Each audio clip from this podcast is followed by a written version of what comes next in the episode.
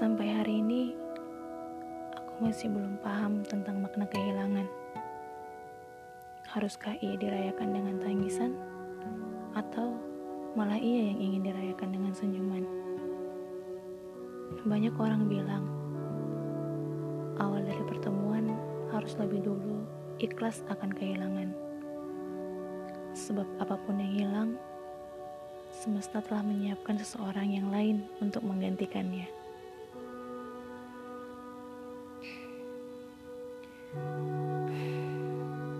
Singkat cerita, aku pernah begitu mencintai seseorang. Sepenuh hati, sepenuh jiwa. Boleh ku bilang. Ia menjadi kebanggaanku. Namanya terbang bersama doa-doa terbaikku. Mungkin saja semesta hampir bosan setiap kali rinduku atas namakan dia. Ia ada. Untuknya aku bersetia. Aku menunggu, berharap penantian panjangku untuknya lambat laun dapat direstui semesta. Namun nyatanya tidak. Selama ini aku hanya senang memasang-masangkan kebetulan. Tapi pada akhirnya, ia adalah takdir yang harus aku ikhlaskan. Jangan tanya patah hatiku seperti apa. Sebab demi Tuhan, ini rasa sakit yang paling menyakitkan. Bahkan ia membuatku takut untuk kembali jatuh cinta.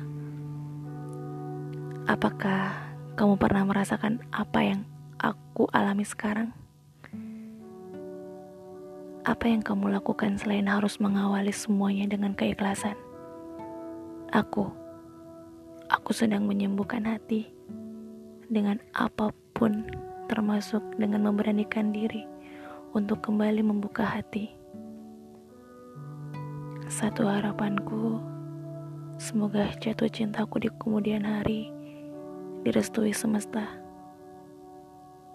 Dan untuknya, ia akan tetap ada di hati sebagai cerita sampai kapan pun itu.